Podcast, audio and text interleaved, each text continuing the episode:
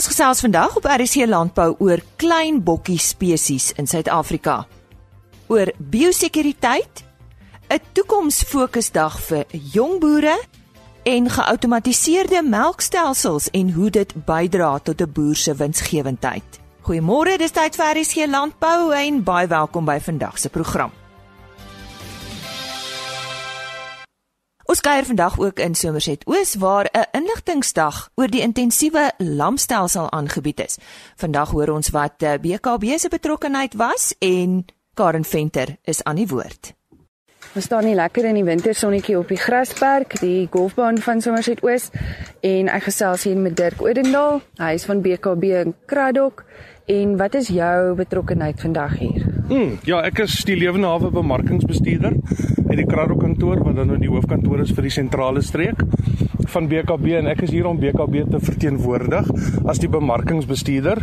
Ehm um, net om tussen die boere te wees. Vir my gaan ons dink almal ons is in die lewende hawe bedryf. Vir my is dit 'n verhoudingsbedryf. Ek is hier om verhoudings te bevestig en om nuwe verhoudings te maak met boere om hulle te help met hulle lewende hawe bemarking, wat dit ook al mag wees. So ja, ek is hier om BKB in daai kapasiteit te verteenwoordig. Jy ken seker baie van die ouens nou wat al gearriveer het voor. Mm. Ja, nee, ek ken meeste van hierdie mense ken ek hierso. Ag en dit is lekker om weer net met almal te gesels. Ons dis dit, dit gaan oor om oor positiwiteit uit te dra. Ons is almal so negatief oor wat in die land aangaan en ek sien my werk as meer as net lewenawe bemarking. Ons moet positief wees oor ons bedryf, oor ons land en oor bemarking. Hier's soveel geleenthede. En ehm um, ja, dit is hoekom ek hier is om net verhoudings te bevestig. En wat behels jou werk as jy nou sê jy is in Kraddock uh, die streekskantoor? Dis reg ja. Wel, al die agente, die lewende hawe agente, bemarkers val onder my. So ek help hulle om hulle vee te bemark. Die boere, hulle is die eerste koneksie na die boere toe. So die boere sal met hulle kontak maak en dan sal die agente dan nou vir my bel en ek kry die markte vir hulle. Ek kry pryse vir hulle vir slagvee, vir stoorvee, vir boervee. Ek is die ou wat hulle help om markte en pryse te kry. Hmm. So hulle kan jou maar nie kontak. Hulle is welkom om my te kontak. Ja, enige iemand is welkom. Die boere kan my direk kontak. My my selfoonnommer is 082 9203 761 en ek is enige tyd beskikbaar. My e-posadres as hulle daarmee wil kontak maak is maklik dirk.odendaal@pkb.co.za. Karen Venter wat met Dirk Odendaal van BKB gesels het en môreoggend praat ons onder andere met Andre Besuidnout. Hy was een van die sprekers by die dag. Volgende aan die woord is Henny Maas. Die deel van Suid-Afrika se gesogte klein wildsbokkies het oor die al, algemeen uh, goed toegeneem die afgelope paar jaar. Uh maar bestaan klein wild net uit hierdie bokspesies en hoe lyk die mark vir hierdie bedryf? Ons praat met uh, Arno Leroux van uh, Wildbedryf Suid-Afrika. Arno gee net vir ons 'n vinnige oorsig oor die status van klein wild in Suid-Afrika. Ja, ons kleinwild in Suid-Afrika heidaglik uh sien goed daaruit. Ons weet dat daar histories uh, gesonde populasies kleinwild in Suider-Afrika was uit fossielrekords en boesmantekeninge en dagboeke van van jagters, maar uh danksy harde werk deur Wildbedryf Suid-Afrika en al die rolspelers en bewaringsbewuste boere het uh, het die getalle van meeste van ons 10 kleinwild spesies uh baie gesond toegeneem in die laaste paar jaar. En as ons nou praat van klein wild, watter spesies val daaronder? In Suider-Afrika het ons 10 spesies waarna ons kyk. En dit is dan onder die duikers is dit grysduiker, rooi duiker en blou duiker. Uh grysbokkies is dit dan nou die uh Kaapse grysbokkie en die tropiese grysbokkie en dan het ons die steenbokkie, klipspringer, oribietjie en die damaradik wat eintlik in Namibië voorkom, ook in Suider-Afrika dan. Die onlangse verwikkelinge in die wildbedryf hier in Suid-Afrika, hoe hoe raak dit kleinwild? Kleinwild was gelukkig altyd nog uh teen konservatiewe bekostigbare pryse beskikbaar en uh heidaglik ook nog steeds. So uh, dit is 'n be bekostigbare bokkie. Uh afhangende nou van van die van die spesies waarna mens kyk. So uh, en omdat die kleinwild bedryf as dit ware nog in sy kinderskoene staan, is daar nog baie ruimte vir groei en dis uh te meer dat daar nog baie belangstelling is en uh baie mense nog steeds graag uh die klein wild wil inkorporeer by huidige wildboerdery en of dalk net met klein wild per se wil boer. En en hoe lyk die toekoms vir hierdie bedryf?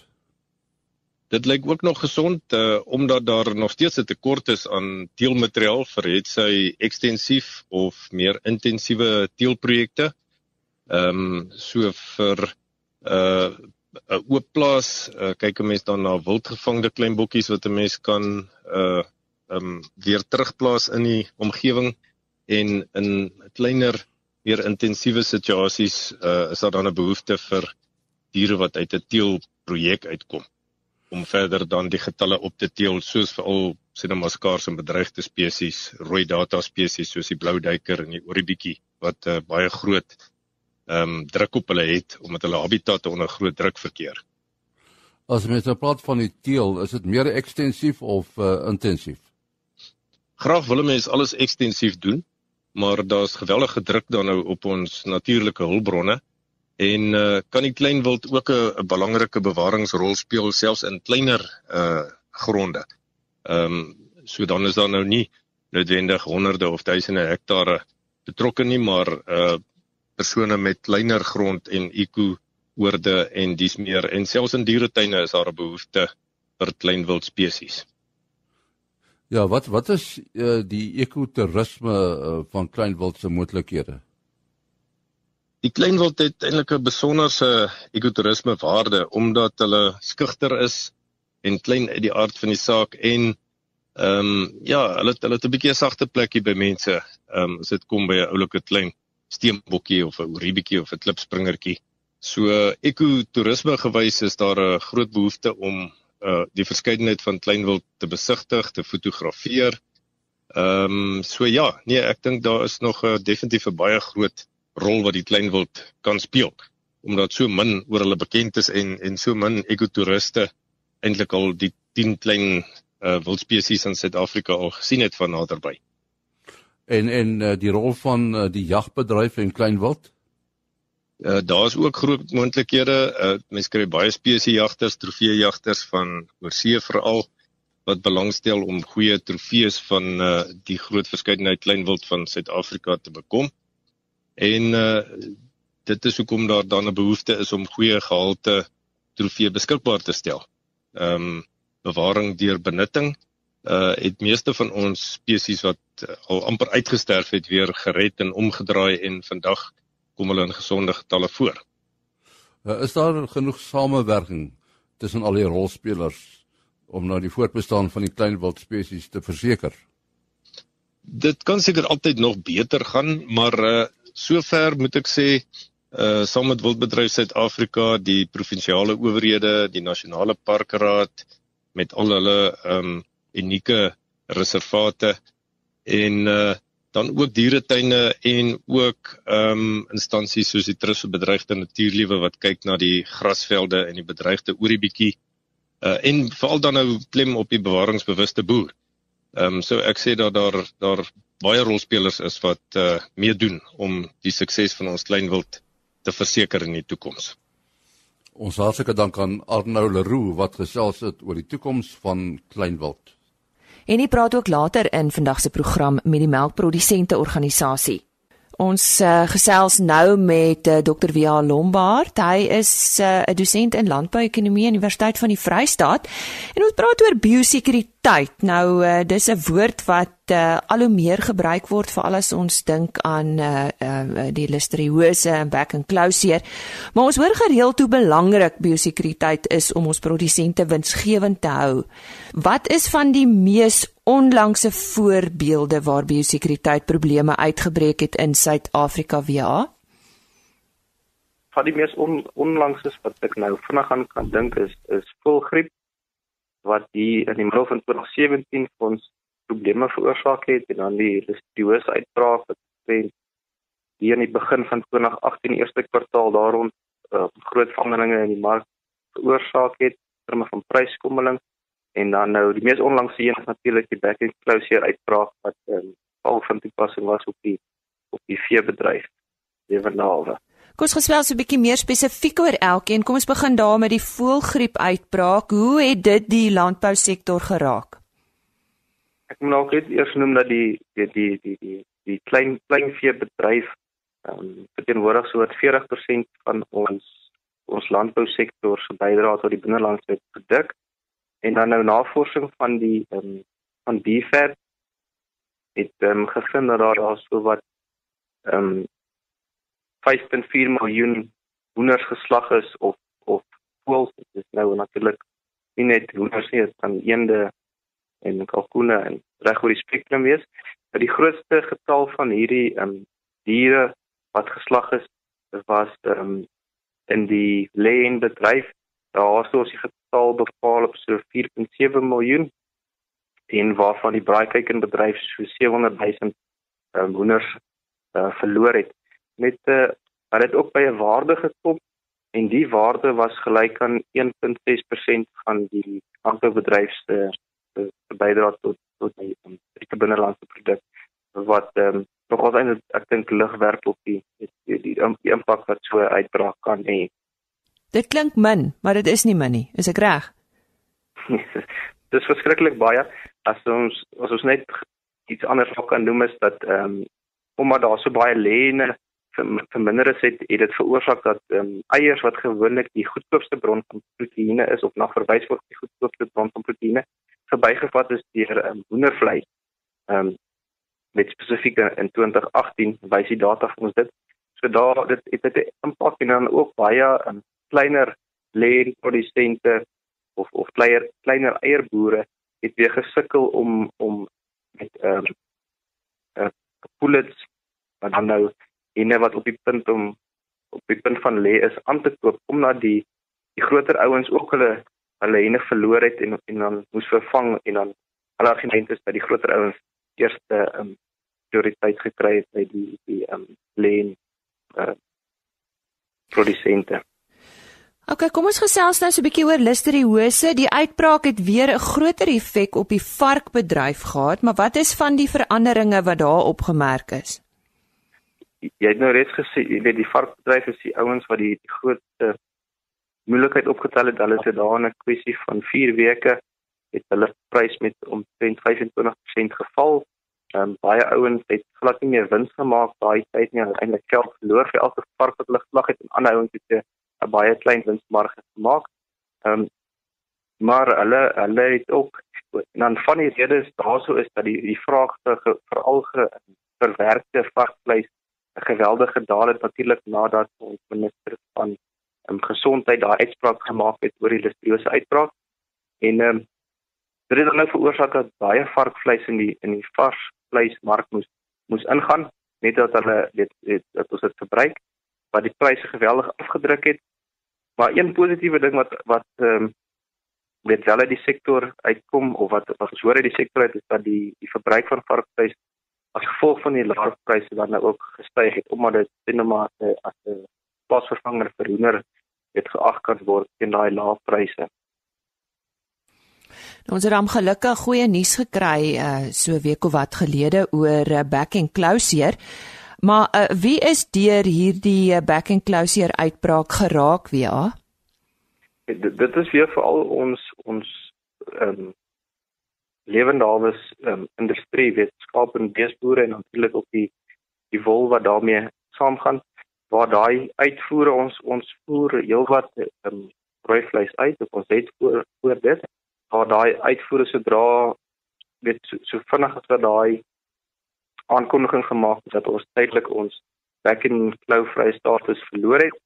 Het ons dit was natuurlik in Januarie vanjaar het ons uitvoere geweldig gedaal.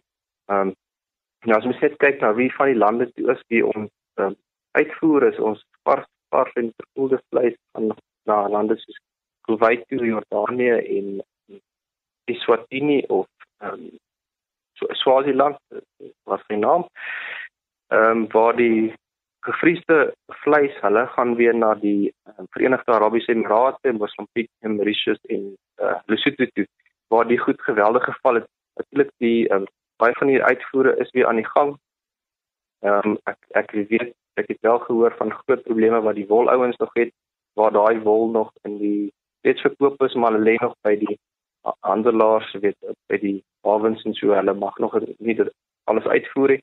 En natuurlik dit gaan ook nie net vinnig opgelos word hierdie probleme daar word omtrent daar's nou eintlik 'n vertraging wat geskep word want hierdie wol dra alles dan nou in China toe kan gaan of waar ook al ander lande dit um, na toe kom gaan dit dalk veroorsaak dat die vraag na omtegewil um, produksie dan nou vertraag is as gevolg van hierdie ek wil sê 'n lag hier met hierdie vertraging in die mark. Mm. mm. Sjoe. Nou kom ons kyk bietjie wêreldwyd en dit is altyd lekker om ons nou te vergelyk want dikwels dink ons dit gebeur net in Suid-Afrika. As mens nou wêreldwyd kyk, wie ervaar ook uitdagings met hulle biosekuriteit op die oomblik? Nou eers moet ek sê dit is dan nie net ons wat wat sulke probleme ervaar nie gelukkig. Ehm um, weet die grootste probleem weer eens in die in die kom ons sê in die veebedryf. Ehm um, is is waarskynlik die Afrika varkpes uitbraak in in China wat daar geargumenteer word dat dat tussen 'n derde en 'n helfte van hulle varke gaan geslag moet word om dit om dit te beheer. En China het uh, volgens die statistieke wat ek gesien het, so wat uh, 440 miljoen varke. Nou hulle produseer 47% van die wêreld se varkvleis en hulle verbruik 49%, so hulle het regtig die grootste rolspeler wat daar is. En ehm um, die probleem wat hulle het is dat 90 of um, die klein boere in hulle land verteenwoordig 90% van die die varkboere in die land. Alhoewel hulle nou net so 29% produseer en omdat die kleiner boere nie sulke goeie biosekuriteit maatreëls in plek het gaan hulle waarskynlik uit die mark uit gewerk word. Weet of hulle gaan als hulle gaan geslag hulle varke gaan geslag word om die die die ja die varkpes te beheer en dan gaan waarskynlik nie weer terugkom nie ek moet dan ook sê dit ons het die laaste tyd gesien dat ons plaaslike varkprys weet goed gestyg het. Ehm um, en mens kan nou maar aanneem dat dat soos wat China meer vleis moet aankoop van van elders om hulle plaaslike behoeftes te voorsien, dit lig die wêreldprys dan dan kan ons ouens makliker kompeteer met die wêreldprys en natuurlik goeie wins maak. Nou ja, dit was 'n baie interessante gesprek oor biosekuriteit met uh, eh, Dr. W.A. Lombard en soos ek vroeër genoem het, hy is van die fakulteit uh, Natuur en Landbou Wetenskappe by Universiteit van die Vrystaat en hy's ook uh, dosent in landbou-ekonomie. Soos beloof gesels ons nou met die MPO. Ons uh, praat nou met Anton Grisse en ons doen dit in die lig van die melkbedryf wat tans verskeie uitdagings in die gesig staar. Een van die struikelblokke is ongetwyfeld winsgewendheid. Nou die vraag of sogenaamde geautomatiseerde melkstelsels boere in die verband kan help om die waarde hierdie durf te trek uh, bly relevant en ons praat met Anton daaroor. Anton, miskien moet jy eers verduidelik wat is 'n geautomatiseerde melkstelsel? Hallo Enie, ehm, um, geautomatiseerde stelsel ehm um, word maar gekenmerk deur 'n reeks sensors wat op die plaas en veral in die melkstal geïnstalleer is um, om klomp inligting te versamel. Dit sluit in aktiwiteitsmeters of hierdie sogenaamde pedometer wat om 'n koe se enkel kom. Outomatiese weegskale, ehm um, melkmeters wat melkvolume, melktempo, melkkonnektiwiteit, ehm um, dan so melkanaliseerders wat melksamestelling meet om 'n paar te noem. Dan is daar 'n uh, sentrale sagteware program waar na toe al hierdie inligting vloei, waar dit gestoor word en dan later aangewend kan word vir bestuur. Ja, mens weet natuurlik 'n rekenaar kan jou sleg in die steek laat, moet jy nie maar rigstene hê met die goed nie. Ja, en nie ehm um, daar's 'n paar fabrikate daar buite wat die stelsels gebruik. En ehm um, al hierdie stelsels het het maar tegniese persone wat beskikbaar is vir boere wat hulle sal definitief bystaan waar dit nodig is met die sagteware of met die sensors op die plaas. Uh hoekom sou 'n boer 'n uh, uh, outomatiese stelsel gebruik? Ehm um, soos jy nou genoem het, uh, ervaar ons kommersiële melkbore op die oomblik vreeslike ekonomiese druk. Ehm uh, wat beteken dat hulle hulle ondernemings moet uitbrei sodat daar meer koeie is wat melk en die melkvolume op 'n daaglikse basis verkoop word sal toeneem. Ehm um, dit verlaag dan nou die druk op winsmarges. En in 'n melk in 'n melker is maar nodig om diere op individuele vlak te monitor en te bestuur. Ehm um, en hierdie tegnologie het vir boere dit moontlik gemaak om hierdie groot kuddes op 'n individuele vlak te kan monitor en bestuur en uh, in die aard van die saak help dit met effektiwiteit deur hierdie presisieboerdery toe te pas. Ja, jy het nou genoem uh, dit werk baie goed by groot kuddes. Mm. mm. Ja, dit is maar 'n aard van die saak of wat ons maar sien dit is ook om om die om dit winsgewend te maak en die kapitale uitlag basies ehm um, regverdig moet hierdie stelsels maar geïmplementeer word op, op groter kuddes. Wat is die verskil tussen uh, geautomatiseerde stelsels en en sogenaamde robotstelsels? En 'n robotstelsel word gekenmerk waar deur 'n stelsel waar daar basies geen ehm um, werkers betrokke is in die in die melkstal byvoorbeeld nie. Koeie gaan self na die robot toe waar sy gestimuleer word met 'n met 'n voer in die vorm van 'n pil of 'n tipe van 'n konsentraat. Ehm daar sal die program dan nou identifiseer en sy sal outomaties gemelk word. Ehm um, weet die, die, die totale behandeling in die eier ontvang voor voor melk en na melk en dan al die verskillende parameters gaan ook genoteer word soos in die geautomatiseerde stelsels wat ons nou het wat in Suid-Afrika populêr is. Nou die geautomatiseerde stelsels soos ek gesê het, die, die reeks sensors, maar in die stal self, um, is maar tipies hier die rotasietafels, maar daar's nog steeds werkers betrokke wat die wat die wat die wat wat met die koeie werk en die veral die clusters opsit en as dit as hy detach om seker te maak dat alles goed verloop en dan die eier te behandel na die tyd. So die groot die groot verskil is maar basies dat ehm um, jou jou werkers verdwyn omtrent totaal in 'n totale robotstelsel. Ehm um, en sover ek weet ons op oomblik nog net een stelsel in Suid-Afrika wat die volle robot gebruik. Ja, en uh, dit vereis natuurlik ook dat jy as boer 'n uh, bietjie tegnologies geletterd moet wees. Ja, en die, die dit is definitief nodig, maar ek sou sê weet ons boere leer maar soos hulle gaan. Hulle is ons boere is baie aanpasbaar en ons groot kommersiële melkbore is van die beste in die wêreld. En die ouens het maar met die tyd van hierdie stelsels is al 10 tot 15 jaar op plase. En weet daai boere is ongelooflik goed met om hierdie sagteware te gebruik en die data te gebruik om om effektief te boer.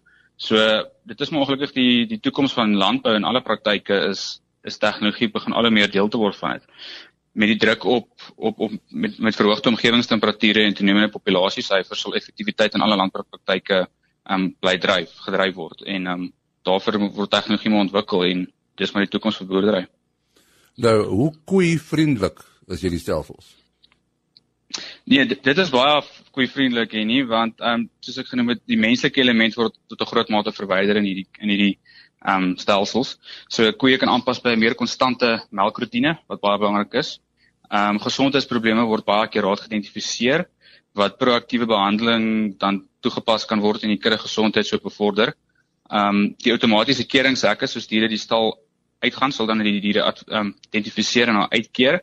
En dit is dan nie nodig om diere te gaan haal in die kampe nie en dan teruggang toe te jaag byvoorbeeld en wat wat net die stres op die totale kudde sal verlaag. So uh, dit is eintlik baie goed vir data insameling hierdie stelsels nê. Nee. Ja, kyk daar is 'n magt om data wat elke dag tydens elke melksessie ingesamel word en dit word dan op die sagte ware genoteer.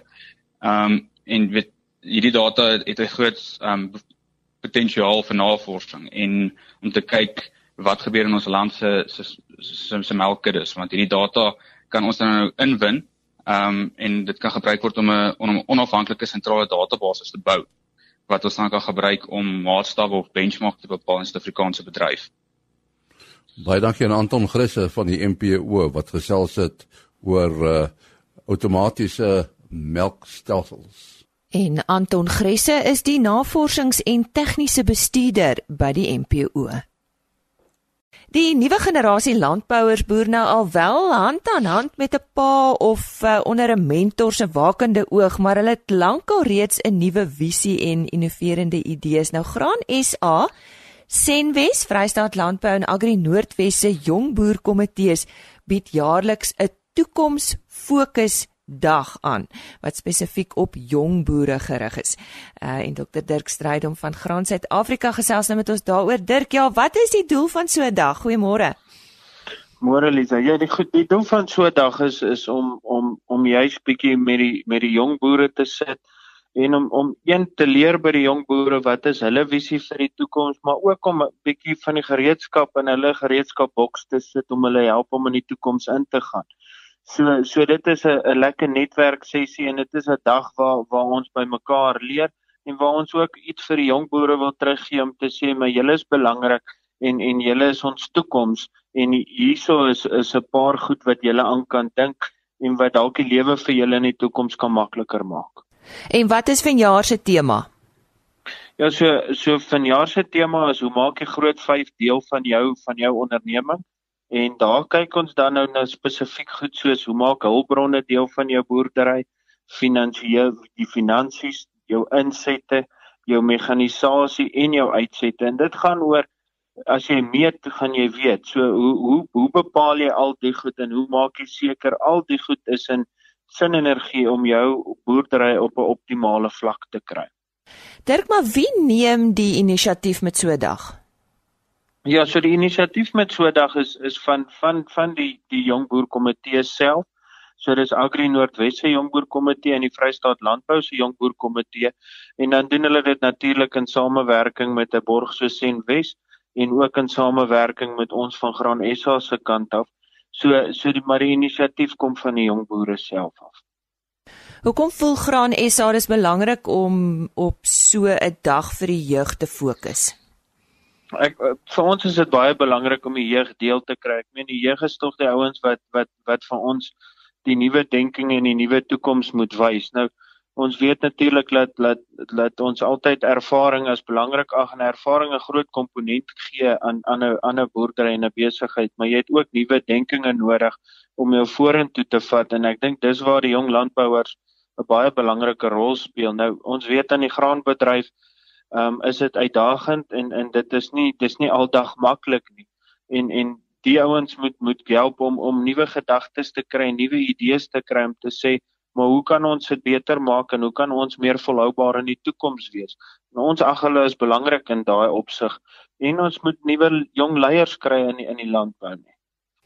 Dirk, ek het jou nou nog nie gevra wanneer hierdie dag plaasvind nie. So gee vir ons al die besonderhede. Wie mag dit bywoon en waar en wanneer vind dit plaas? Ja, so dis die 29ste Oktober op Nampo Park.